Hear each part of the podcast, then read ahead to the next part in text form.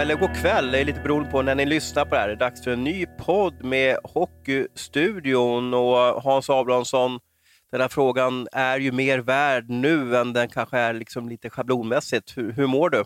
Jag mår jättebra Thomas. Jag eh, hade min skit i våras hoppas jag. Så att, eh, men det är ju lite trist det som pågår runt omkring.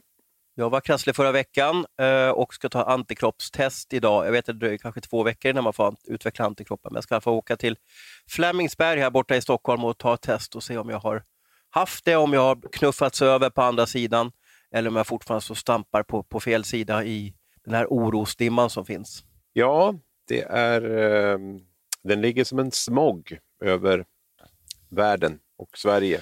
Men många var, många var ju fascinerade över dina eh, presenter som du fick här när du fyllde år och det var ju en ny presentdag igår söndag, fars dag. Vad fick du då? En t-shirt. En t-shirt, vad stod det på den då? Bästa pappan? Nej, jag vågar inte avslöja det. Det var ett sånt här, vad heter det? Ett, ett, jag vill inte göra reklam. Det var en, eh, det var en uh, känd uh, parfymfabrikör som har börjat gjort t-shirts. Aha. Kan man säga att det var en lyxtischa som du ska ha till snygga jeans? är det så eller? ja, vi kallar den för det. Vi gör det. Det var en lyxtischa. Men mm. Kul med fars dag i alla fall. Det är roligt Jättekul. Vad fick du då? För en gångs skull. Vad fick du då? Som är så jag fick en slips, slips. Ja, jag fick en slips med, jag fick en slips med eh, bild på mina barn. Eh, eh, jag tror de hade beställt lite fel. Det var en vit slips då med en bild på barnen. Så att jag får väl ha den på begravningarna kanske framöver. Och så fick jag en t-shirt där det stod att jag är bästa pappan och så var det eh, mina barns namn. Då, så att, eh, jag hade en trevlig söndag och kände mig lite stolt. Men nu är det bara in i grottan igen och gruvan och börja leverera. Ja, man ska inte mysa för länge.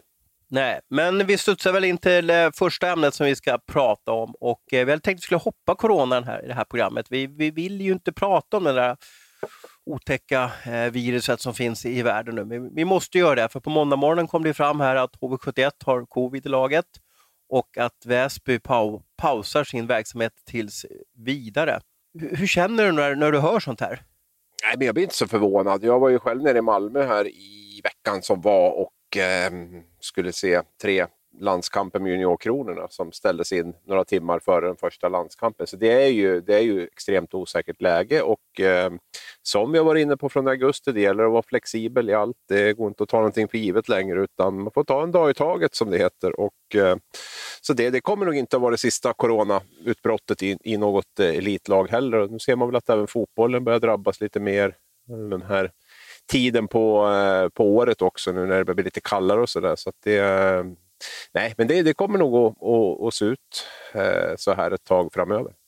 Hur tycker du att man ska göra då? Alltså ska vi, det finns några distrikt i Sverige som har pausat all verksamhet från division 2 och, och, och neråt, alltså juniormatcher och så vidare. Liksom sagt att nej, men nu, nu stänger vi ner till typ 1 januari. Eh, hur ska svensk hockey ta sig an det här? Vad, vad är det bästa sättet att lösa allting? Ja, man får ta det en dag i taget. Det viktigaste är att man spelar klart ligorna. Det, det är det absolut viktigaste, om vi nu ska se på ett sportsligt perspektiv. Det allra viktigaste är att samhället fungerar. Men man får ta de pauser som krävs för att samhället ska fungera, men ändå sikta på att spela klart. Om vi så är inne i, i juli och spelar slutspel så behöver det spelas klart. Då kan man väl hellre kanske skita och åka till den där skitdiktaturen i Vitryssland i, i maj och eh, fokusera på att spela klart seriespelet istället. Ska man pausa, göra en större timeout i, i svensk hockey och sen starta om från 1 januari? Jag vet ju inte om det hjälper så himla mycket heller, utan man får väl kanske isolera de lag som, som drabbas istället. Det är ju inte säkert att det ses... Vi ska göra så här som vi gör nu kan man säga. Ja, men nu är vi, nu, nu, alltså, vi, vi, vi är ju inga eh, pandemiexperter, så vi ska inte uttala oss om det här. Men, men en, en killgissning är väl i alla fall att, eh, att de har god rådgivning och att de nu väljer att gå den här vägen, att det, att det är rätt väg. Och det är ju anledningen till att man ska spela klart är ju också att det, det, det är inget alternativ egentligen att stoppa upp det, för det är den enda inkomstkälla egentligen klubbarna har under den här säsongen. Och skulle vi pausa ner och som vissa säger stänga säsongen, vilket naturligtvis är i ett sådant läge där Anders Tegnell och hans kollegor säger att nu stänger vi ner allting, då ska vi naturligtvis göra det. Men så länge det finns ett litet hopp, titta på NHL som spelar Stanley Cup-final i september till exempel, eh, då, får, då får det bli så för att de här pengarna är ju extremt viktiga, nu, annars är det nog bara packa ihop verksamheten tror jag för många klubbar om inte, om inte de heller kommer in. Så att, eh, då får det hellre dra ut på tiden och att man, att man håller på under, under väldigt lång tid tycker jag. Jag kan väl utveckla ditt resonemang lite eh, så att kanske lyssnarna förstår. Det, du syftar på antar jag är att Simor betalar för att sända eh, hockeymatcher i Hockeyallsvenskan och SHL och spelas det inga matcher så borde ju Simor inte vara så intresserade av att betala ut pengar, det vill säga de får ju ingen produkt av Hockeyallsvenskan eh, eller SHL. Det är så du tänker och då tappar eh, SHL cirka 40 miljoner och, eh, per klubb och eh, eh, Hockeyallsvenskan några miljoner per klubb, då, alltså på säsongs eh, helårsbasis. Och sen vet jag inte om det blir en eh, förkortning av serien några månader vad det innebär. Men det är stora pengar vi pratar om. Ja, absolut, och man spelar ju lite på krita redan för slutspelet blev inställt. Och de, den information jag har i alla fall är att eh, Simon sa att vi kör full utdelning av pengar även kommande säsong. Och de pengarna som var för förra säsongen hade man redan fått. Så, att, eh, så därför finns det inte så mycket mer att, att spela på nu. Utan eh, blir det här inställt också då är det nog payback time. Och eh, det passar ju extremt dåligt just nu i det här läget. Så det är eh, det är bara att försöka genomföra på, på bästa möjliga sätt så länge inte Tegnell sätter ner foten. Vi får hålla tummarna för att den andra vågen då inte blir så kraftfull och jobbig och svår och tuff som kanske många förutspår och att eh, världen, samhället, Sverige, hockeyn, allting kan fortsätta i en hyfsat hyfsad ja, på normalt sätt. Då. Men det är ju ingenting vi, vi styr över. Eh, första ämnet som jag tänkte vi skulle prata om, eh, kommer ihåg eh, vad vi, eh, eller andra ämnet blir det då, vad vi pratade om för en vecka sedan. Eh, det var höstlov som, som hade precis eh, eh var på väg och, och ja, det var väl höstlov då, läslov som vi kallar det för. Jag var inne på Ville Nieminen, hans framtid. vi var väl inte helt säkra på att han skulle få lämna, men han fick lämna. Hur tolkar du på hans snabba sorti från Modo? Ja, att det var väl så illa som man tänkte och kanske lite till. Va? Att man kände direkt att man hade kommit till vägs ände. Vi har väl varit med om några, några snabba tränarsparkningar tidigare också. Den här tillhör ju den kategorin. Nej, men det kändes ju jättefel från början och jag förstår fortfarande inte varför Modo chansade med ett sånt namn. Jag förstår också att marknaden var lätt att säga efteråt också nu. Ja, men de rapporter jag fick från Finland var ju, gick ju inte i dur. Det gjorde de inte, utan eh, det var väldigt mycket frågetecken runt honom. Och klart, gammal, ska vi säga storspelare får man väl kanske göra ändå. Han spelade ändå, även om han inte var någon NHL-stjärna direkt. Men, men, eh, och lite tveksam start på tränarkarriären. Det är ju sådär som man mm, det känns inte jättebra. Va? Och de, de vibbar och de, de, rapporter jag fick från Finland var ju inte, var ju inte så positiva. Att komma till ett Modo med en hel, ett helt nytt lag dessutom som, som skulle byggas ihop efter, eh, efter en ganska framgångsrika år som ändå hade varit där. Eh, med allsvenska mått mätt i alla fall. Så det, nej, jag, jag, jag fick, fick dåliga vibbar direkt och de eh, ja, besannades väl egentligen från dag ett på något sätt att det där inte blev blev bra. Det kändes aldrig som det fanns någon kemi riktigt i tränarstaben heller tycker jag. Både Styr var ju varit med länge, Omark i klubben där ett bra tag och kändes som att de nej, hamnade lite helt på sidan om det. Så jag, jag, tycker nog att man kanske skulle ha gått på den tvåtränarslösningen från början. Då. Men nu behöver vi inte sitta och analysera i efterhand i och för sig, då, för att det, det är alltid lätt. Men, men eh, det, det, det, blev konstigt och jag tror att det var en rejäl läxa också för sportchef Glader där som, som eh, kanske gick mer på namnet än på, på kompetensen. Väldigt tidigt. Eh, jag får lite flashbacks från eh, Esko Nukkelainen. Visst hette han så, gamla Brynäs-tränaren? Oh yes, kom från Troja va, till Brynäs. Hans, ja, han sa på en eh, upptaktsträff, det är ju så inför var, för varje säsong i SHL och även Hockeyallsvenskan och även Hockeyettan och SHL så har man en upptaktsträff då när klubbarna presenterar sina visioner för säsongen, sina kravbilder och sina mål. Och då vet jag att Esko Nukkolainen sa nå någonting typ så här, vi ska ta gold, sa han. Mm. På så här skön finlands svenska, engelska och sådär. Och det slutade med att jag tror att han fick sparken ungefär efter Eh, samma typ av matcher som Ville Nieminen. Så det var väl ingen supersäsong och ingen, ingen gold-säsong heller för, för, för Nukkalainen i Brynäs. Där. Minns, du, minns du den sortingen? Oh ja, oh ja, fast det är väldigt länge sedan nu, men det minns jag. Men vi har väl Roger Melin här, mycket betydligt närmare. Jag vet inte, vad fick han? Åtta matcher eller någonting i Brynäs där de kom från ett finalår. Och vi hade väl även Tommy Sjödin och Janne Larsson som fick lämna in i november uppehållet har jag för mig. Det, var. det är någonting med Brynäs och höstlov ja, där. Då, har man, då, då, vill man ut och, då vill man ut och jaga och göra klart med ny tränare. Modo och Brynäs är väl de som har frekvent sparkat flest tränare. Kanske HV var med är med i det racet också. Där. Men om man tittar på, på 2010-talet där, så är det väl de som, som sticker ut på något sätt. Jag tror Leksand har en del också där med, med, med eh, Leffe Karlsson och Roger Melin och, och, och Åke Blom. Ja, det, Marcus och. Åke Blom. Ja, och vad heter han? Eh, Andreas Appel. Gren. Just det. Så det, det var några där som fick lämna också. Så det är några klubbar som har varit utsatta och har snabbt och, och, och drar den där livlinan och, och byta tränare. Eh, en stor fråga i Modo och Övik och kanske hela Ångermanland är ju, ska man fortsätta med, med Styv och Omark eller ska man in med, en, med typ en Perra Jonsson-lösning? Nej, jag tycker man ska fortsätta ett tag till där. Undersöka marknaden grundligt, känna om man hittar något namn som, som, eh, som kan passa in där. Eller om man tycker att man, man måste ju jobba nära de här två killarna också. Jag kan ju Omark och, och Styv lite för dåligt för, att- för att säga om de är kompetenta nog att ta och, och leda Modo hela säsongen. Men, men att de efter en sån här, eh, när det har varit så pass misslyckat som det har varit, eh, jag känner nog spelartruppen också en, en lättnad och bara, bara den effekten blir nog att, att eh, Styv och Omark kan rida på den ett gäng matcher här nu innan deras verkliga kompetens sätts på, på prov. Sen är jag, utesluter jag inte alls att de här två säkert kan göra ett bra jobb där ute, kanske få in någon ytterligare från organisationen där. Jag tror väl, om inte annat, att det är en ekonomiskt bra lösning i alla fall i det här läget. Det sägs ju att Nieminen bara sa tack och hej och åkte, men jag tror väl inte riktigt Vad, att det är vad, så vad enkelt. tror du om det? Precis, men precis, jag tror väl att man kom överens. Jag tror väl att man fick det. Att antingen så gör vi en snygga vägen, du, du säger upp dig och, och lämnar och får betalt säsongen ut, eller så, så sparkar vi dig och eh, så får det bli. Jag, jag är tveksam alltså till att man jag vet skriver man på ett sånt kontrakt, liksom, om man nu skriver ett kontrakt, ska man då ha en uppsägningstid på tre månader i den? Det, det, det känns konstigt. Det, det lät lite för bra för att vara sant. Jag lite, blivit lite luttrad och cynisk under de här åren man har jobbat med det här. Men, men eh, Det låter som efterhandskonstruktion. Jag satt och kollade lite på hans ekonomiska sits där. Han, Mm. har han spelade hockey väldigt länge. Han spelade hockey tills han var 35-36 år och han hade några år i, i Nordamerika. Eh, på dem tjänade han 3 miljoner dollar. Då. då kan vi säga att hälften går bort i skatt. Jag har svårt att se att han kan bara slänga bort ett tvåårskontrakt och, och gå vidare. Så jag är väl inne på att han säkert fick det här året ut då, och sen så, så gör man den här lösningen att, att eh, ja, han ville hem till, till barnen, eller vad man sa. Mm. Och, och, och, så blev, och så blev han tokhyllad lite överallt. Mm. Men det är väl strunt samma egentligen kan man säga. Det är väl, bara, det är väl så det funkar där ute.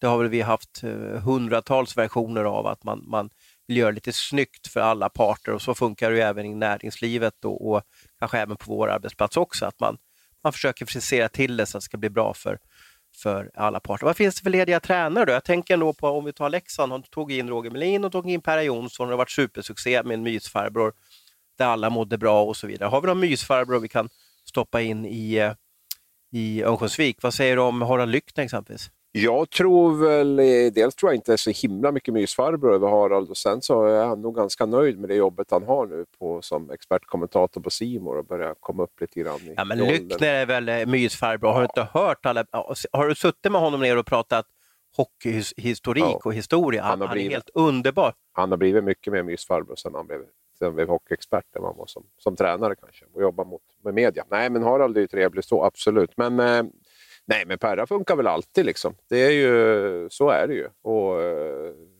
komma in i, i Modo i det här läget så det, det var ju en, lyckad relation där uppe eh, tidigare. Så att eh, det är väl ett namn som finns. Jag har inte dunderspånat i det där. Jag såg att eh, våra kollegor på Expressen har spekulerade i Staffan Lund som var i Karlskoga förra året. Det var inte som att få sån här superpuls direkt. Men jag tycker också att man ska sitta lite lugn där. Det kan ju hända lite saker också med, runt om både i Sverige och Europa med, med, med tränare som blir, som blir lediga och, eh, och så vidare. Där. Så att jag, jag tycker inte att jag vet inte, Modo ska nog fokusera nu ganska mycket på de tränarna man har och försöka få ihop den här gruppen på något sätt. För det känns väldigt spretigt lagbygge och det var ju också därför jag tippade Modo på den nedre halvan i, i tabellen inför säsongen.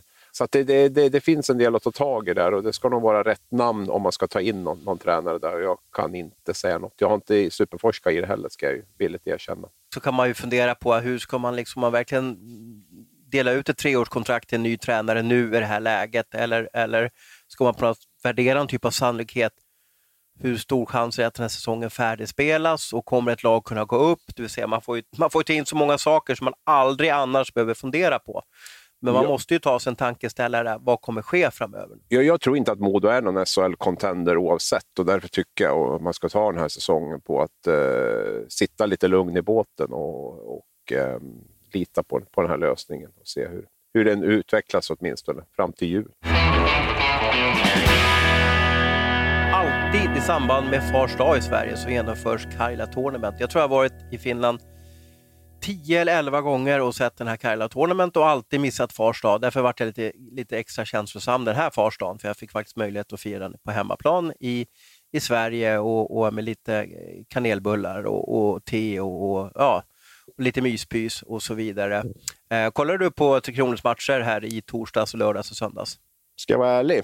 Ja, men det måste vi vara. Vi kan inte ljuga, eller hur? Ja, nej, jag har inte gjort det. Jag har sett, Nej, jag- lite, sett lite highlights i efterhand. Ja, jag satt faktiskt lite bänkad. Jag, jag tycker att det är lite speciellt. Det. Jag kan nästan, jag kan nästan Tre Kronors starttider, för det är alltid samma starttider på alla matcher. Man har, har Tjeckien på, på torsdagen och så har man Ryssland supertidigt på, på lördagen och så har man avslutningen då, eh, Finnkampen på, på söndag kväll. Så har det alltid varit. Så att säga. Och Det känns så märkligt att, att se på hockey klockan 12.00. Det är ännu värre sen när det är Ryssland, det kan vara 09.00. Eh, och så var avslutningsmatchen där på, på... Så jag satt och kollade ja, jag, sträck, jag kollade inte precis på allt, men jag kollade väldigt mycket och jag, jag, jag har varit lite känslosam där, för jag har varit i Hartwall väldigt många gånger. Jag tycker att det är en trivsam arena och det är verkligen, om vi här i Sverige liksom hånar lite våra landskamper och tycker att det är, åh, vad är det för dret och, och, som vi ser här på Hovet, eller de, de flyttar runt de här landskamperna, men där i Finland så är det tryck. Det, är- det är, är utsålt och det är, eh, ja, alla hejar på sitt lag där, så att säga. Så det är en helt annan det är en helt annan miljö att komma till i Finland. Så jag, jag tyckte att det var lite, lite en resa to memory lane för mig att kolla på de här matcherna. Men det är ju, eh, det är ju inte bra. Eh, vi förlorar alla tre matcher och ett ryskt juniorlag eh, vinner hela turneringen. Ett, ett hånat just ryskt juniorlag också. Man tyckte, vad är det här för något? Varför skickar de ett juniorlag från Ryssland som ska möta seniorer? Nu vet jag inte om du kollar på allting, men Ryssland kommer väl tokvinna JVM. Det finns väl inte en chans i världen att något lag kan slå, slå de här, eh, det här superlaget. Sitt nu lugn i båten och vänta tills Kanada presenterar sin trupp där så kommer det att bli, bli åka av även där med, med samtliga spelare troligtvis med utan NHL-start där. Så det, Men är det inte oerhört smart att spela ihop sitt juniorlag egentligen, som de gjorde Jo, egentligen? Jo. Det, det, det blir väl liksom fastställt att KL är lite vassa. Det här var ju lag från inhemska ligor i stort sett. Nu var det dessutom ett juniorlag från Ryssland, men Sverige hade egentligen bara SHL-spelare, Finland hade egentligen bara ligaspelare, Ryssland hade bara KL-spelare och Tjeckien hade ju också mest från den inhemska ligan i alla fall, va? tror jag. Eh, plus några NHL-spelare där. Så att, eh, KL förstärker väl sin eh, ställning som Europas bästa liga i alla fall, måste vi säga efter det här. Det jag såg på matcherna, och det är väl många som har sagt det tidigare också, att jag tror att det är en liten fara med den hockeyn som vi spelar i SHL när vi, när vi går ut på en internationell nivå och internationell rink. Utan det, vi, vi märker ju i, i eh, det fysiska momentet, en mot en och så vidare. Väldigt svårt att slå våra spelare, väldigt svårt att skapa målchanser. Vi är väldigt duktiga på att åka och jobba hemåt, men Mm. jag saknar den här kunskapen att, att skapa målchanser, att kunna liksom gå in på mål och så vidare. Liksom. Det, jag, tycker att det, jag tycker att Tre Kronor blir ganska avslöjat på grund av om hur många lag spelar SHL. Kan du hålla med mig? Ja, vi är ju varken bra på det fysiska spelet eller det spelet med klubborna heller längre, för det är ju också borttaget. Då, så det har blivit liksom en sorts olycklig, olycklig mix där på, det, på det där. Och sen är det ju också en mental tuffhet att att vinna de där kamperna. Det handlar ju inte bara om att eh, om fysiken och, och om vad man får och inte får göra, utan det där, är- det, när du kommer ut internationellt så är det väldigt mycket liksom, att vara mentalt härdad och liksom möta upp den typ av, av, av hockey och, eh, och fysiska spel och allting som, som, eh, som är där ute. Och, eh, det är väl lite som du är inne på, det, det, det går fort här och vi, åker fram och tillbaka och, och, och så, men, men eh, när, när det här fysiska spelet snäppas upp, när spelarna är lite starkare, alla är lite starkare, så, så, så har vi tufft. Så är det. tycker Max Friberg var rätt duktig. Jag, tyckte Mm. han, jag vill inte säga att han spelar sig in sig i ett VM-lag, för jag tror inte det kommer genomföras något VM, men, men han har en uppsida som inte bara innebär att han, han är väldigt duktig på att springa Cooper och, och, och bra att täcka puck i, i boxplay, utan det finns ganska mycket hockey i, i Max-pojken. han var ju en extremt hyllad skyttekung under eh, JVM där, eh, bland annat när vi vann, vann JVM-guld.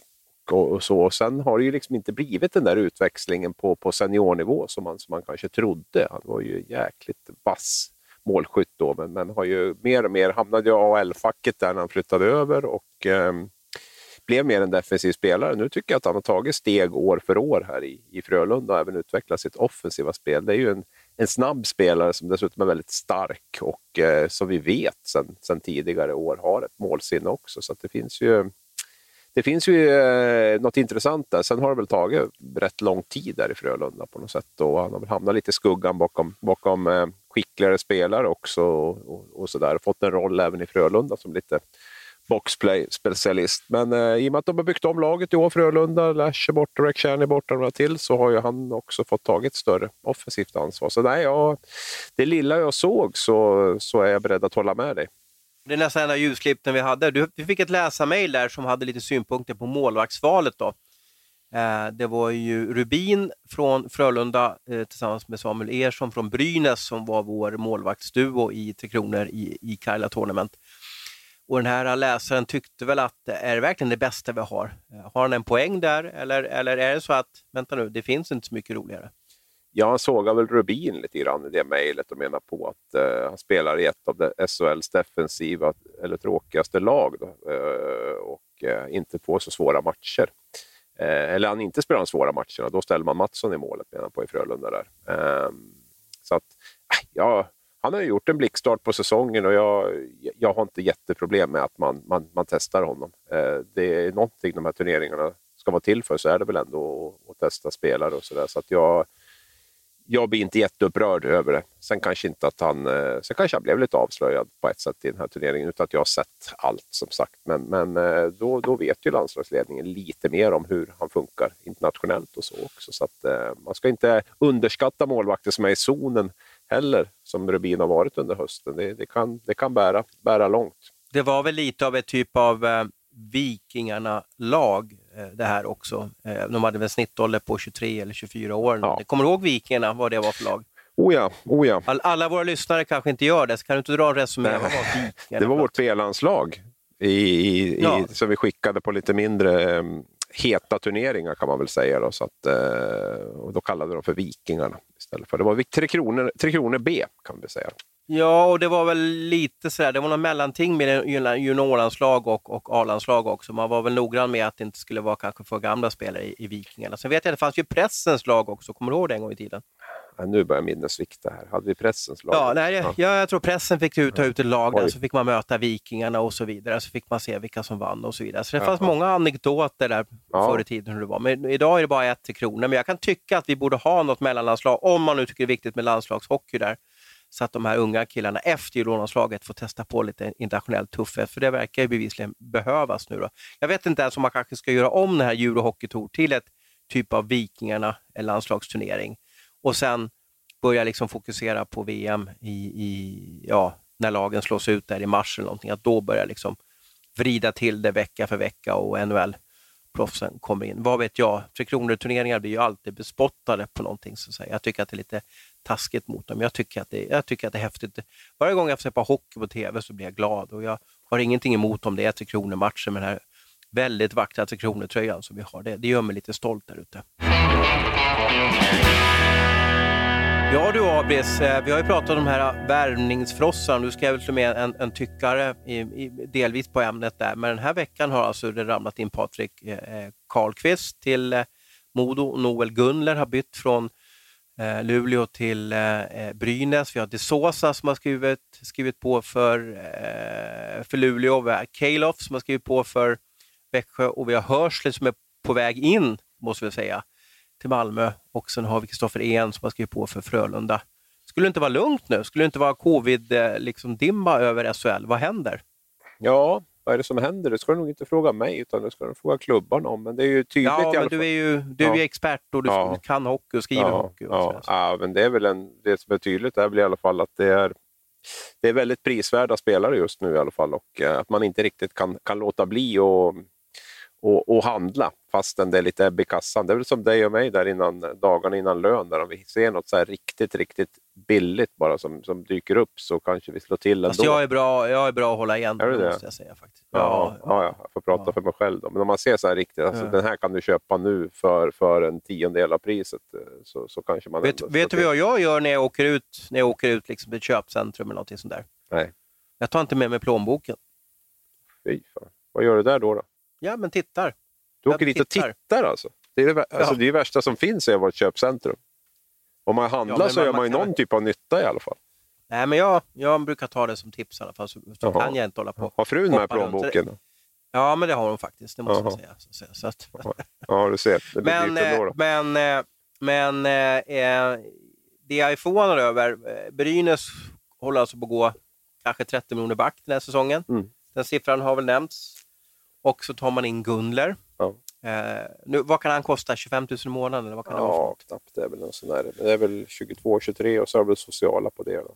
Ja, men är det inte märkligt ändå? Alltså, om vi ska liksom Symboliskt, symboliskt, blir det ju, symboliskt blir det ju jättemärkligt. Eh, sen vet jag ju också att man har väl Samuel Asklöv där vars eh, sjukskrivning måste väl, jag vet inte, man betalar väl knappt lön för honom längre. Så, att, eh, så jag vet inte om man tänker att man, man ersätter honom eller Sundlöv precis är på väg och ska skicka någon spelare någonstans om man, om man har lyckats. Så att man, man täcker upp det så. Då. Jag tror att man, det, det ser jättemärkligt ut utåt. Det är folk som blir uppsagda, det är eh, spelare i laget som sänker löner och, och sen tar man in en, en, eh, en till spelare. Så att det är ju, sen tycker man att Gunnar är så pass billig, han är så pass hög potential i honom. Vi får dessutom behålla honom nästa år med största sannolikhet till samma lön, fortfarande rookie-kontrakt. Eh, så att det här, det här är för bra för att tacka nej till. Man kan inte. Alltså, Man kan godiset inte. ser så gott Nej. ut i den här godishögen. Ja. Sundlöv skulle ha gjort som dig och lämnat plånboken hemma. Så hade det inte blivit någon Ja. affär. Ja, nej, men eh, jag tror att man tänker så att även om det är skittuffa tider nu så är det här en för bra affär för att, eh, för att tacka nej till. Och Modo gjorde ju en Swish-kampanj där med eh, Karlqvist. Då. Mm. Och Hörsle är väl också en liten swish på väg in där eh, och så vidare. Vilka av de här spelarna tror du kommer göra en succé och vilka av de här spelarna tror du kommer bli en eh, floppvärvning? Jag ser väl ingen sån där supersuccé direkt på rak arm. Jag skulle kunna tänka mig att Andrew Calof kommer att göra Nej, det bra, bra i Växjö. Ja. ja. Får han spela med bra spelare, som, för han är ju fruktansvärt bra tycker jag runt motståndarmålet. Det är ju ingen stor spelare däremot på liksom, att frakta puck och liksom bära puck över, över, över, över isen på det sättet. Men, men har han spelare runt sig som, som, som sköter den biten och han får göra det han är allra bäst på, eh, skjuta mål i, i, i det heta området framför så, så är det ju en, en klassavslutare. Så att, och jag, det är klart att Växjö vet ju exakt, han har ju varit där tidigare och spelat mycket med Rosén och Kiskinen då och andra bra spelare också i det där drömlaget de hade. Så det är klart att de vet ju exakt var de ska placera Cale. Och det har väl funnits en liten lucka där i, i topp 6 med, med, med bredvid kanske Emil Pettersson och eh, Jack Drury där med en högerskytt. Så att det är väl det är väl där jag skulle tro, eller om man till och med spelar upp i, i, i första kedjan, även om de har Gynge där. Så att det, där, men det är väl den spelare som jag eh, tror eh, väldigt mycket på. Sen är ju Gunle till Brynäs är ju en eh, väldig överraskning för mig, det måste jag säga. Det är ju en, en, en spelare som som har väldigt hög potential, som, som, lite som Calof. Alltså han, vet, han är duktig att göra mål. Eh, sen har det ju funnits en hel del frågetecken runt honom just med det här jobbmoralen som, som, eh, som finns i, i svensk hockey framför allt. Att den kanske inte har varit jättehög. Jag har varit inne på det tidigare, att han har ratats från ett U18-VM. Han kom inte med till JVM förra året heller och eh, har haft det lite tufft med Thomas Berglund uppe i Luleå. Att då gå till Brynäs och Peter Andersson och ett lag som kanske har varit lite svajigt om vi ska uttrycka det diplomatiskt under hösten här är väl eh, Mm, det, det, det, det, det var lite överraskande för mig. Vi får ju se. Han har, vi har ju garanterat blivit lovad en, en, en roll i powerplay och, eh, och mycket istid i alla fall, annars har han inte hamnat. Om våra lyssnare ska få lite inblick i vårt liv så var det så här, eller vårt i alla fall journalistiska liv, så var det ju så här att vi fick tips om att eh, Växjö skulle, det kommer hända grejer i Växjö. Vi hade ju att Marcus Davidsson lämnade laget och så finns det också signaler om att Forsbacka Karlsson ska sättas på läktaren och fryses ut och kanske försvinna bort och att det var på väg in en transatlant som har varit i Sverige tidigare, kan svensk hockey eh, och eh, ja, jag tror även vi fick tips om högerskytt om jag minns rätt där. Eller rightare då. Mm. Eh, och vi satt och funderade och vi tänkte och vi tänkte och tänkte. Och sen när vi såg, eh, det var väl eh, Min Hockey i Småland där, tror jag. Som har Nej, det var väl eh, Hockey News. Mattias Var det Hockey News? Ja, rätt ska vara rätt. Persson. Ja, absolut. Vi ska Ja, hylla den som hyllas Rätt ska vara rätt. Mm. Rätt ska vara rätt. Eh, bra gjort av Hockey News. Det var han som kom upp med namnet Calof först. Då, Mm. då sa vi båda samtidigt, ja men såklart att det var han, att vi inte kunde tänka på den. Så det var lite bakläxa. Jag vet inte om vi var mjölniga i huvudet, men han var ju ett, ett klockrent val att ta hem och ta tillbaka. Var väl arbetslös just nu också. Han spelat två år i KHL Mm. och, och saknade jobb nu. Och läste någon intervju med Calof där att han sa att han aldrig spelat så här billigt. Så att det är ju bara, det är så verklighet, verkligheten är just nu. Och jag vet att han var extremt billig när han kom till Skellefteå en gång i tiden. Han kommer från en sån här college-lir eller någonting sånt här. Jag kommer ihåg att han hade så här liksom 25, 30, 40 000. Man kanske har glömt det förresten, för jag tror ändå han har lite mer nu i alla fall än man, än man hade när han kom till Skellefteå. Vi får, Väldigt, väldigt trevlig och artig person att göra Ja. med i alla fall. ja, väldigt. Hörsler då? Gjorde Ja. han? 24 mål där i SHL-säsong. Nu ska han bomba in puckar i Malmö om nu den övergången blir kvar. Men det låter ju som att det, det blir så. Man ska ju veta att han är 34 år om jag bara drar det direkt så här från, från, eh, från ryggraden. Jag tror att han är född eh, 86 om man minns Ja, rätt. du, där. du är helt rätt på det. Jag undrar ju om han fortfarande har det. Hänger du med? Tempot? Ja, det är, SHL är ju de snabba fötternas liga, har ju blivit det nu. Och är det någonting Hersley kanske inte har så är det väl snabba fötter. Då. Han har ju ett fruktansvärt skott och eh, helt okej spelsinne också tycker jag. Men, men han är ju inte supersnabb. Så att det, det blir ju, och eh, vet väl inte hundra hans fysiska status heller, hur hårt han har tränat. Eh, i väntan på, på, på en ny klubb och sådär. Och dessutom så är det ju alltid lite annat att komma in i ett lag och, och träna där. Så att det, det är väl lite, mm, det är lite frågetecken där. Han har ju gjort det väldigt bra i KL måste man säga. Bra pannben, liksom gå in och spela i eh, några av de största klubbarna i KL och eh, gör det dessutom bra där. Så att det är ju det är bra skalle på honom, men, men sen får vi se då om det, om det räcker till att vara en dominerande spelare i SHL. Här. Det gäller ju att man verkligen utnyttjar hans styrkor och försöker få undan hans svagheter lite grann i Malmö. Där. Och för får han stå och panga och bli uppeggad, då, då kommer det bli några mål. Så är det, absolut. Och, eh, Sankt Petersburg så blev han ju uppeggad av, inte sant Exakt. ord, där, Mm. av, Datsuk där, så det var en speciell Ja, dirigent han hade bredvid sig. Jag vet att jag pratade med honom när han var i Sankt Petersburg. Alltså han, han gjorde 14 mål båda säsongerna i Sankt Petersburg. Och ibland så kom han nästan in och bara spelade powerplay och bara stod och sköt. Mm. Alltså det är en väldigt speciell roll och i vissa matcher var han ju petad. Han var i Moskva eh, förra säsongen och dessförinnan var ju tre år i Sankt Petersburg. Men Sankt Petersburg var ju ibland så att han bara gick in och spelade powerplay och bara stod och sköt. Ja, Sankt Petersburg är ju en sån här klubb som kan ha den lyxen och, och, och köpa in en spelare i stort sett och, och ha, stå och panga på blå i powerplay. Liksom. Det är ju, så är det ju. Sen Spartak förra året, mm, ja, det gick väl inte superfort för han. Det, det jag såg där och det jag hörde också. Så, så att det, blir, det blir en utmaning just det där att, eh, att hantera farten som ändå är här i, i, i SHL. Då. Men, ehm, Det, det är roligt att det blir de här förändringarna tycker jag i alla fall. Gunler höll vi på och, och i för några veckor sedan, eller precis efter podden förra måndagen tror jag var. Mm.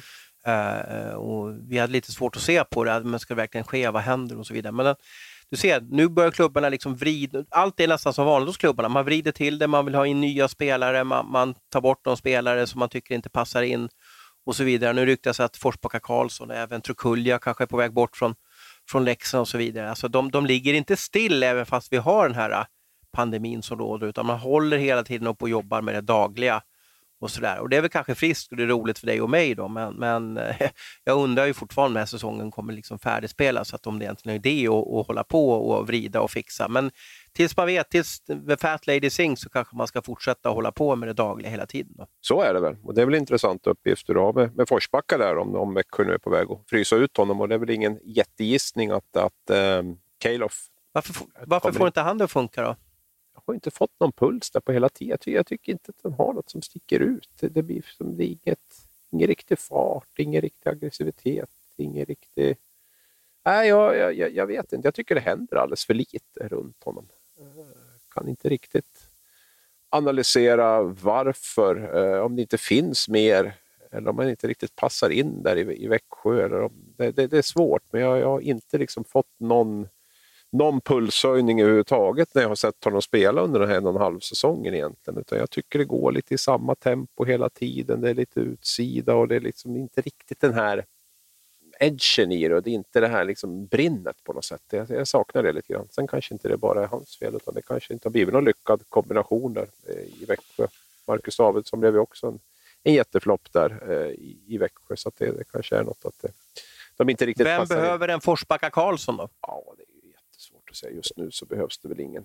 Behöver väl klubbarna egentligen bara läka såren och inte ta in massa spelare. Det, ja, ja, ja, ja, jag, kan inte, jag kan inte riktigt se den där uppsidan eh, hos honom som gör att jag skulle plocka in honom i, i, i, något, i något lag just nu i alla fall. Jag tycker att de flesta lag har ganska välfyllda trupper också för den delen. Sen, eh, sen beror det ju på lite grann vad som händer om, om, om SO, eller NHL drar igång där. Och sånt som Händemark lämnar eller Abols lämnar eller, eller sådär. Men jag, jag vet inte, jag, jag, tycker inte riktigt att han är en topp 2-center i, i SHL eller en topp 2-forward i, i något lag där egentligen. Eh, så att jag, jag, jag, skulle nog, det är nog därför också som han är kvar i Växjö än så länge, för det har inte varit högvilt på, på marknaden. Nej, eh, sen, sen kan ju också, jag vet inte, han kom, nej, och han kom ju hem av vissa sociala orsaker också ska vi väl lägga till från NHL. Där. Det är möjligt att det är sånt som tynger också. Då, då ska man ha allra största respekt för, för det. Liksom, att, att det, om det finns eh, personliga problem i familjer, vad det nu kan vara, som, som gör att hockeyn blir jäkligt sekundärt på något sätt. Då, då, då. Men eh, ja, nej, så är det.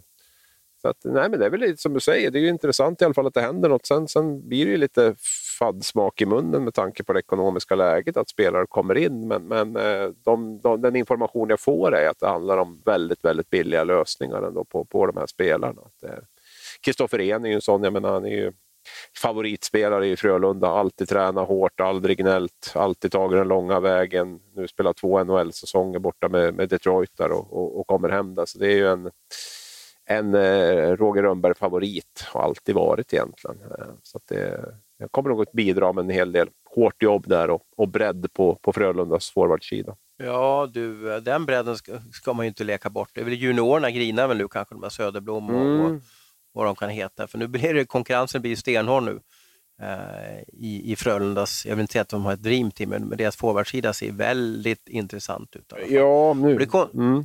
Konstigt att, att en också bara kommit hem. Jag tänker på att om han skrev på för hela säsongen också, mm. sen vet jag inte om, om, det, om, om det verkligen kommer bli så. Uh, men man funderar ju på att NHL kanske startar, jag vet att Håkan Andersson i Detroit håller ju en ganska högt då. Varför de liksom bara ja, låter honom spela klart det hela säsongen i Frölunda. Men det är kanske det bästa han kan få, att få spela hockey den här säsongen. Det är må många är oroliga för att det inte blir någon hockey. Ja, det är ju lite grann så. Va? Han vet ju inte ens om han får något kontrakt. Vad jag förstår så är han väl kontraktslös igen också? Va? I, i ja, jag tycker jag har hört från, i alla fall från Håkan Andersson att han, ja. de tyckte att han gjorde ett bra jobb. Ja, absolut, ja, men det gör han. Men, men, men sen kan ju, som du säger, det är ju en gambling nu. Ska han vänta och chansa på att NHL drar igång eller ska han börja spela och han känner väl för sin utveckling att det är bättre att han ändå spelar. Då får det hellre bli ett ett mellanår i, i SHL i så fall. Då. Men, eh, ja, mm. Chris de Sousa poppade upp i Luleå där. Man ser honom lite grann i Rögle i alla fall. Det är ju en, eh, det är hyfsat säkert kort känns det som. Ganska hårt jobbande forward som har gjort poäng i både Österrike och Finland i alla fall. Hade väl lite, var väl lite frustrerad i Rögle när inte poängen kom där. Men eh, det är väl en en eh, helt okej okay SHL-spelare som man får in där. Ganska tuff i, i sitt spel tycker jag också. Kommer nog att passa bra in där uppe hos Thomas Berglund. Man ska veta också att en vanlig, vad som man kallar för säsong i, eh, i november, så finns det knappt några spelare lediga. Det vill säga att alla duktiga, bra spelare spelar ju i KHL eller Schweiz eller i, i eh, Finland eller AHL eller eh, i NHL och så vidare. Så att den här marknaden som, som finns nu är ju helt otrolig. Alltså jag lider ju med sådana som Mattias Karlsson, Martin Törnberg. Jag mässar lite med Christian Engstrand, för detta Linköping och Mora-målvakten. Alltså vilken tuff marknad de har mm. framför sig. Alltså, det, är, mm. alltså, det öser in spelare som kanske vanligtvis är stjärnor i AHL då, som bara, äh, men jag, jag spelar för 30 000 i månaden. Ge mig bara en klubba så jag får köra. Ja, absolut. Alltså den, det, men det är ju också svårt när du pratar om också att ja men vänta nu, nu ska Karin på kansliet, vi måste permittera henne för att vi inte har, eh, eller varsla om uppsägning för att vi inte har råd på sikt att ha kvar den här organisationen och så värvar man in spelare. Det, det blir ju lite knepigt och så vidare. Va? Men, men eh, sportcheferna måste ju sitta och vara grymt ambivalenta också i hela, är det inte så? Ja, säkert. Sen ska vi väl nämna med Gunle till exempel som är en intressant detalj i det, är de här NHL-pengarna som då slås ut på de fyra senaste åren man har varit i en, i en klubb då när man skriver sitt NHL-kontrakt. Och där eh, där har ju Luleå fortfarande, jag vet att det figurerar uppgifter om att han har skrivit kontrakt med Brynäs som gäller den här säsongen och nästa och det stämmer ju till viss del, men den här säsongen är han utlånad från Luleå så att även om han spelar i Brynäs så kan ju Luleå räkna in det här NHL-året, vilket är ungefär 600 000 då i, i ersättning. Man brukar få runt 2,3-2,4 miljoner på fyra år, då, så att 600 000 per år är det ju. Så att där har ju Luleå dessutom fortfarande kvar den stora pengen då på, på, på Gunler, mm. trots att det inte spelar där. Och det, mm. det tror jag också var en, stor, en, en förutsättning för att det skulle bli någon affär överhuvudtaget. Att man mm. fick Men då kan man ju också säga så att vi ser att Brynäs får 600 000 för Gunler nästa år. Mm. Då har ju det betalt ja. en, del av, en stora del av hans lön också, så att då är det ju en nollkostnad egentligen för Brynäs också. Exakt. Problemet är om Carolina blir lite het på gröten och vi skriver redan nu i sommar då med honom med sin andra runda, då, då går väl alla pengarna till till Luleå och då blir han väl kanske utlånad till, till Brynäs då i bästa fall nästa säsong. Så att, men men eh, väntar de ett år till eh, Carolina med att skriva med honom, då får ju Brynäs ytterligare en, en 600 000 sudd där för, för Gunnar. Nu vill jag höra att du ska säga oj, så att då ställer jag en fråga som du inte har en aning om. Eh, vilken tränare blir härnäst att få sparken i svensk hockey? Jävlar, den kom tufft alltså. Oj, oj, brukar du säga där. Oj, oj, ja, där kom oj, oj, oj, där kom oj, oj, oj, oj, oj, den är ju jättejobbig. Kan jag få suga på den? Kan inte du prata om Nja, någonting så länge? ja, men jag kan väl... Jag, jag, jag, har ju varit inne på att Filander skulle få lämna Oskarshamn här, men jag, ja, det är bara att sätta på sig dumstrut, så den, ja. den kommer ju inte ske på, på ett dag, eller på ett tag. De, de som ligger tuffast till i SHL är ju, är ju vad heter det, Bert Robertson i Linköping då. Eh, jag vet inte hur det ser ut med Ålund och AIK där eh, och, och, så vidare. Va? Men, men Modo har gjort sin förändring där. Eh, och övriga klubbar i Hockeyallsvenskan tror jag ligger lite lågt. De har nog inte förväntat sig, Väsby har inte förväntat sig att vara så mycket högre. Eh, och Djurgården har ju, har ju liksom spelat upp sig något i alla fall, så att jag vet jag tror inte de gör någonting. Eh, HV har också vunnit en match här på slutet. Så att, äh, jag vet inte, jag, jag har svårt att se att det finns något riktigt till krislag just nu i alla fall. Äh, jag, har, jag har svårt att se att det skulle bli något lag som drar i den där livlinan. Äh, det ska möjligtvis vara AIK då, för de brukar vara så heta på gröten, precis som du pratade om Brynäs och, och Modo där. De, de bytte ju från Salo hyfsat under säsongen i fjol också, så där kan det vara att Gossi tycker att det här är inte bra. Samtidigt har jag fått in en meriterade tränare i, i Ålund och de måste kunna ge honom lite tid. Så, nu har du fått fundera lite. Vem tror du det blir? Ja, det var fan. Jag har ju varit lite inne på, på att eh, Fagervall sitter lite pyrt till i Malmö faktiskt. Och, eh, Trots man... det här långa kontraktet och ekonomin och allting? Ja, två år skrev han va? Nej, det är ja. det, är det som, som talar emot naturligtvis. Men om du, du frågar mig på rak arm, det är klart att eh, nu har de fått in ytterligare... Om inte han får igång skeppet menar du? Ja, lite så. Nu har de fått in Härsle där också. Jag tror att de... Ja, jag vet inte, jag tror att de har lite sned självbild på något sätt med, med hur bra de är i, i Malmö och det tror jag också ligger honom i fatet. Sen har han en tuff uppgift där också, Fagervall, att få ihop det där laget och så. Så att jag det, det, måste börja, börja vända snart. För nu tycker man att man har fyllt på med Novelin och kommit in och man har tagit in Järvin, den där finländaren, och man har tagit in Ashley om han kommer nu, vilket jag tror han gör, eh, och så vidare. Så det är klart att det, då börjar det hända grejer där och gör inte det Tror du så... Sylvegård kan ställa sig själv i båset? Nej, det tror jag inte. Men alltså, är han klubbchef, sportchef och tränare? Det vore mm. ganska häftigt. Mm. Lite som Jager i Kladno där. Ja, precis. Säger till om allt. Bestämmer allt. Nej, så det ja. är väl, men det, det, det, det, ja, men Fagervall, är bra att namn i alla fall. Det, ja. det, är inte så lätt att dra upp det där i alla fall. Men... Nej, och sen hoppas jag, jag är ju ingen sån där som gillar tränarsparkningar, så att jag tycker Ville Nieminen tycker jag var det blir, det blir ju alltid det. Ja, det ja absolut. Blir... Men, men, man vill ju helst uh, slippa sitta och spekulera i dem när man inte tycker att det är någon som ligger riktigt pyrt till. Men uh, man får väl försöka göra det också. Då. Sen är det roligt att se till tränare som, som lyckas lite här och var också och gör det bra. Så det är kul. Sverige brukar vi vara ganska försiktiga med eh, sparkningar och utrensningar och, och förändringar, förflyttningar och så vidare. Det brukar inte hända så ofta, men i KHL där är de oerhört heta på hanen. Och eh, Abris, då kan vi dra resumé. Vad var det som har hänt i Sochi förra veckan? Allt är väl inte officiellt ännu, men enligt vad vi hör i alla fall så är det ganska stora förändringar på gång.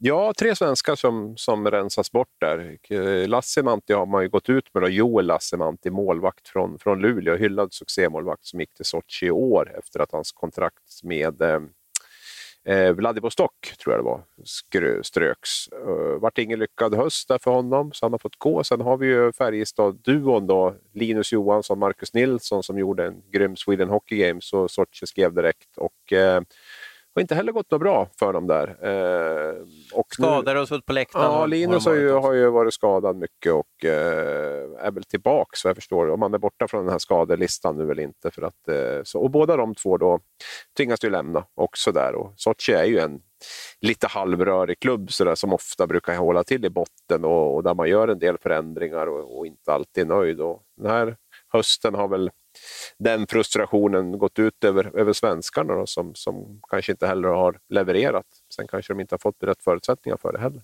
Nu påbörjas ju ett spel, så är det KHL-klubbarna, i alla fall, i alla fall i många av klubbarna, där man då kan välja att skicka eh, Linus och Lillis till, till eh, farmaklubben i VHL. Då. Och de här eh, klubbarna i VHL de kan vara placerade på, på vischan, väldigt långt in i vischan. Och jag vet att när Fredrik Pettersson eh, blev skickad till, till VHL så var han skickad till en så kallad stängd stad. Nu tappar jag namnet på den. Det var en sån där eh, stad där de håller på med, med eh, kärnkraft. Så att när man kommer in i den här staden så får man lämna tillbaka sitt pass till någon typ av eh, kommunkontor och sen så får man vara i staden där och, eh, och, så vidare. Och Det kan vara ganska tufft, det vill säga är man inte riktigt stark i psyket så, så blir det jobbigt mentalt att behöva vara i de här mindre städerna som inte är så utvecklade som Sochi är en fantastisk stad. Vi var ju där på OS. Det är ju som, en, det är ju som Nice på franska rivieran nästan att vara där. Så att eh, vi får se hur länge de här orkar hålla ut också, för det blir ett spel om pengar. Ska de bli utköpta? Eh, ska de få en stor alltså, klumpsumma direkt och som bara här, gör vad ni vill? Eller ska de liksom på något sätt testas lite nu i, i någon liten by på, på, på tundran i, i Ryssland? Där. Det här spelet är väldigt intressant och det är tufft att lösa för agenten också, att försöka hitta någon lösning med, med språkproblem och med tidsskillnad och så vidare. Så att, eh, vad, vad, tror du kommer ske? Eh, Färjestads fans hoppas ju på att de kommer hem till Karlstad. Ja, det kan de säkert göra, fast inte förrän i slutet på januari eller början på februari. Men det är skapliga nyförvärv att få in då också? Ja, ja, absolut. Nej, men så är det ju. Då vet man kanske men vad ska de ta mer. vägen då? Vad, vad, ska de göra? För du vet ju hur marknaden ser ut. Ja, Finland kanske. Okej. Okay. Kanske sugen. Ja tänker jag. spela för ja, liten, liten summa pengar. Ja, alltså grejen är att du får ju 50 procent, de har ju de reglerna i KL, du får ju 50 procent av Får de sparken nu så får de 50 procent av kontraktsvärdet. Eh, som jag har förstått det. Och eh, klubbarna vill ju helst inte betala ut 50 procent, de vill komma undan med mindre. Och eh, de provar frysa ut dem att de ska lämna själv och sådär. Men skickar de ner dem i de här farmarlagen så tvingas de fortfarande betala 100 procent av, av lönen. Då. Och det är de inte så jättesugen på heller. Så det, det brukar ändå sluta med att de, att de gör det utköpet av, av spelarna. Det tror jag kommer hända nu, att de får 50 procent och då kan de inte flytta hem till Sverige för då ryker i stort sett allting. Det är Mm. Men man, de kan ju flytta hem om de tycker att det är roligt att betala skatt. Ja, ja, ja, ja men absolut. Men då försvinner i stort sett allt. Eh, om de inte väntar till slutet på januari, februari när de har varit borta 183 dagar i, från Sverige. Och då är ju Finland en väldigt lämplig, lämpligt ställe att eh, komma till. Jag tror att de här tre har väldigt tufft att få några nya jobb i KL i och med att de inte har de har ju inte spelat där tidigare, de har ju liksom inte skapat sig något namn där. Det ska vara om någon annan klubb har scoutat dem mycket förra året och känner att oj, vi kan få ut mer av dem. Möjligtvis då, någon hittar kanske något. Men annars är det väl att, att bida sin tid i, i, i någon annan liga. Och den marknaden är ju mycket tuffare nu med, med, med coronan och, och hitta en klubb. Men jag skulle väl kunna tro att de kan spela relativt billigt i Finland och eh, kanske då köra på ett billigt kontrakt säsongen ut här i Sverige och sen eh, ha ett bättre kontrakt då med, med skriva treårskontrakt kanske med, med, med exempelvis Färjestad då, och få mer betalt kommande år istället. Då. Och eh, om det nu är så att Färjestad vågar vågar eh, ta den chansen, när det är, eller risken kanske man ska säga, när det är dessa tider som är. Då. Men det kanske har klarnat lite mer då framåt januari, februari i alla fall. Men det är ingen jätte, jättelång skott att någon av de här tror jag kommer hem. Framförallt om den här säsongen blir förskjuten också så kanske vi, eh, det är kanske ganska mycket kvar av den säsongen när vi är framme i, i slutet på januari. Mm, mm, mm. Vi avslutar väl podden med lite eh, lyssnare läsarfrågor. Eh, Fredrik Dahlstedt, eh, F0LK3 här på, på sociala medier, frågar lite nya värvningar gjorda, gjorda. Hur ser ni på det här med värvningsstoppet? Eh, ja, men det är ju nästa säsong då, och, eh, som det är värvningsstopp. Och, eh, det, du får ju även skriva rookie-kontrakt för nästa säsong. Då. Det har varit en del frågor om Gunler där. Jag har försökt förtydliga på, på Twitter både vad som gäller med Luleås utlåning och med att han har kontrakt över nästa säsong. Men då tar vi det igen då, att han är utlånad av Luleå den här säsongen och Brynäs får skriva rookie-kontrakt då för, för 21-22. Så det finns lite luckor där. Vad tycker du Abris? Pausa SHL till nyår eller kanske ställa in helt trots SHL, uteblivna SHL-pengar? Om det nu är möjligt, eh, eh, om inte staten går in och kompenserar?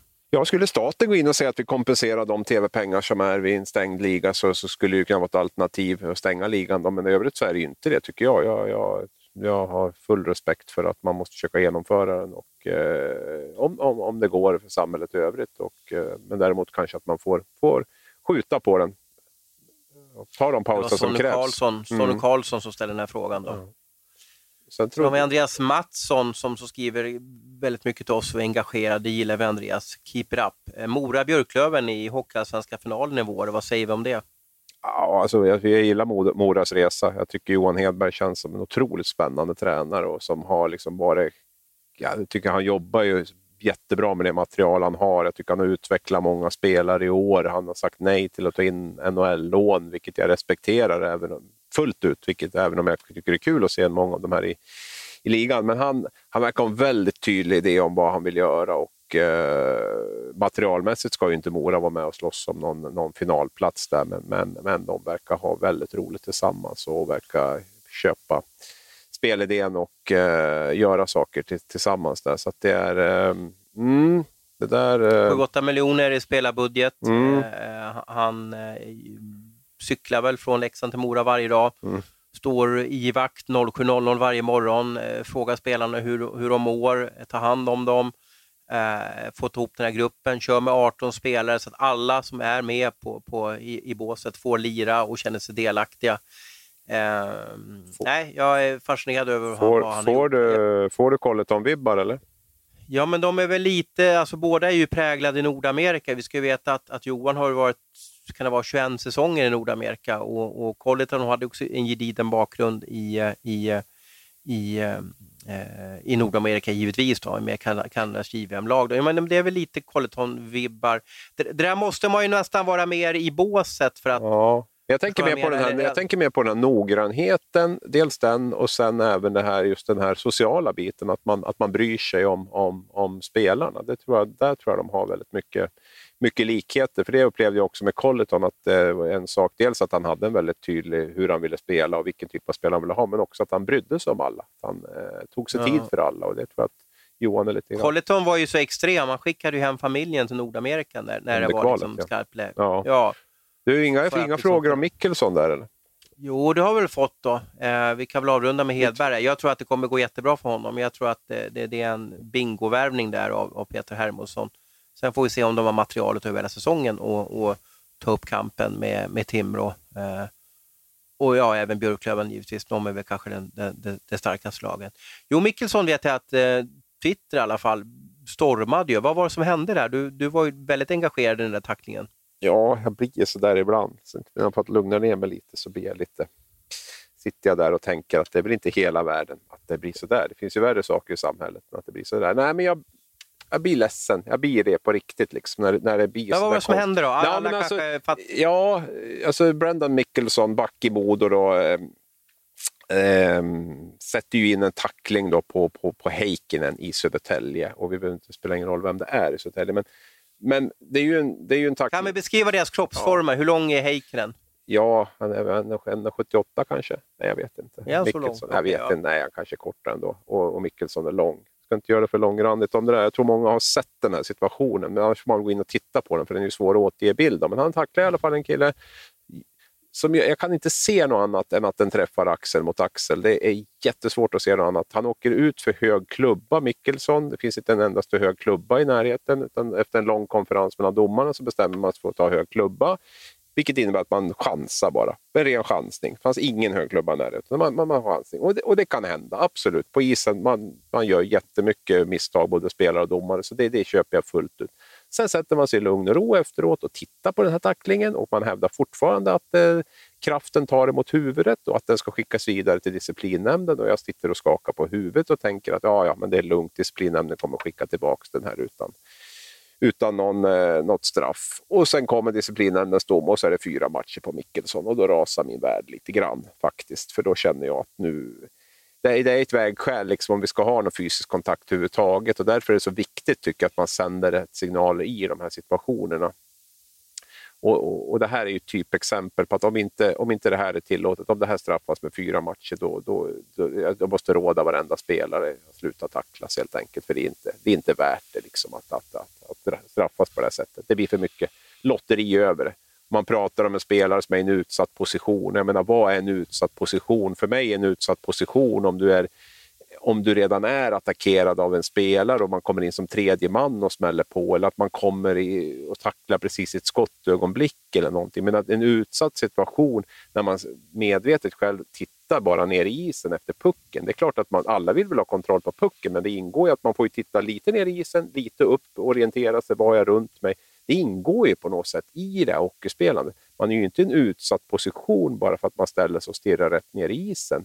Och för då, då, då kan ju alla se till att ställa sig i en utsatt position i så fall. Och det tycker jag, just att man läser situationen så som jag tycker otroligt fel, det, det gör ju att man blir, det skapar en oro. Liksom en, alltså hur, hur, hur tänker de? Hur tänker de nästa gång det blir en sån här tackling? Jag tycker ändå att nivån har varit bra från disciplinnämnden i mångt och mycket. Jag har sällan rasat över någon dom därifrån. Och så kommer det här nu och då känner jag att fasiken, vi är tillbaka på ruta noll igen. Det var en lång utläggning. Ja.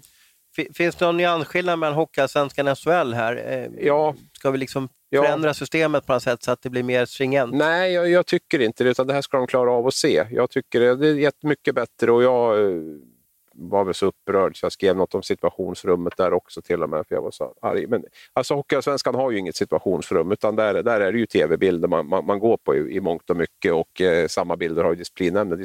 Situationsrummet sitter ju en, har ju också den här referensgruppen också i SHL plus situationsrum, så det finns ju ett ännu större filter där. Men jag tycker att det här filtret man har nu ska räcka långt. Det kan bli fel på isen, jag köper det alla dagar i veckan det bör inte bli fel i domarrummet efteråt när man har tv-bilderna. Och det bör definitivt inte bli fel i, en tredje instans. Det, det, det, tycker jag inte, för det här, det här är eh, för dåligt. Men de överklagade inte och de tog straffet, eller hur? Eh, jag har inte sett någonting än där. Jag vet inte om någon av våra pigga reportrar har, har ringt och kollat med, med Modo. Om, eh, jag känner att det blir lite fel om jag ska hålla på att driva den här saken som har haft uttryckt så starka åsikter om det. Så jag försöker väl att och ligga lågt. Men vi har säkert någon pigg, eh, pigg reporter som, som kan kolla det med glädje. För att jag skulle bli förvånad om man inte överklagar den här till RF, vilket har hänt några gånger. Eh, för att Leksand gjorde det med någon spelare där, om det var Ritola eller vem det var, eller någon som, som man överklagade någon, någon, något matchstraff i panten eller något sånt här och, och, och, har ju fått igenom det. Det har hänt i andra klubbar också. Och, eh, så att jag, jag skulle definitivt ha gjort det. Det är ju inte för, för Mickelson. Jag har ingen, ingen skugga över, över över Heikkinen heller. Det är ju, det är ju inte att utmåla honom på något sätt, men det är ju, det är ju viktigt statement. Här. För börjar man ta de här grejerna, ja då har man ju då lär man ju fortsätta göra det nästan i så fall. Och då, då vet vi sjutton hur vi ska ha hur vi kommer att ha det. det är... Jag tycker att vi ska göra ett gemensamt situationsrum mellan Hockeyallsvenskan och SHL. Det där är ju en pengenfråga, för, för SHL har ju pumpat in pengar i sitt situationsrum. Men då, jag, tror, jag tycker att man får ta det. Jag vet inte om det är Hockeyförbundet som kanske ska ta den kostnaden. Eh, och så att de får användas. Ja, men det här är ingen svår situation. Det här är ingen svår situation. Det är det som liksom, det, jag, jag, tycker inte det. Det här ska man klara av. Det här ska man klara av redan i domarrummet efter matchen och, och se det. Och liksom läsa situationen. Det handlar ju mycket om det, att förstå situationen och börja prata om utsatt position. Och herregud, han måste väl få kontroll på pucken var det någon som skrev. Men det är väl ingen rättighet att man ska få kontroll på pucken. Det, du måste väl, det är väl som när du är ute och kör bil eller var som helst. Du måste väl titta åt alla möjliga olika håll för att, för att hålla koll. Eller när du är ute och går eller vad den gör. Liksom. Det, är, ju, du, du, du, du har ju ingen frizon där. Så upp nu stoppar vi spelet för nu ska jag få kontroll på pucken som ligger mellan mina fötter här nu. Så nu är jag inte tacklingsbar. Uh, och sen, ja, nu kör vi igen, nu har jag fått kontroll på honom. Det funkar ju inte så. Det är underbart när du får känslor.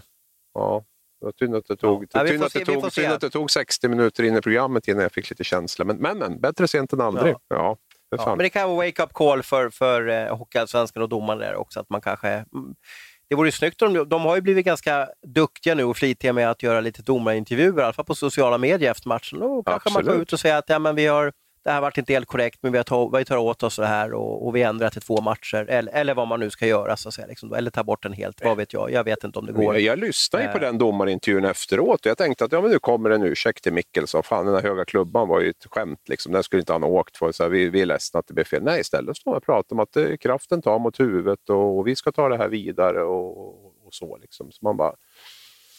Boom. Så kan det vara. Men de här känslorna så tycker jag faktiskt vi avslu avslutar eh, veckans podd och så tackar vi alla som har varit med och lyssnat och alla som tycker till och, och mejlar och, och ja, både liksom ger oss eh, eh, lite spä och också tackar oss på, på vänliga sätt eh, i olika eh, forum. Eh, vi gör det här för er skull och vi gör det här för att vi älskar hockey. Ha nu en trevlig vecka.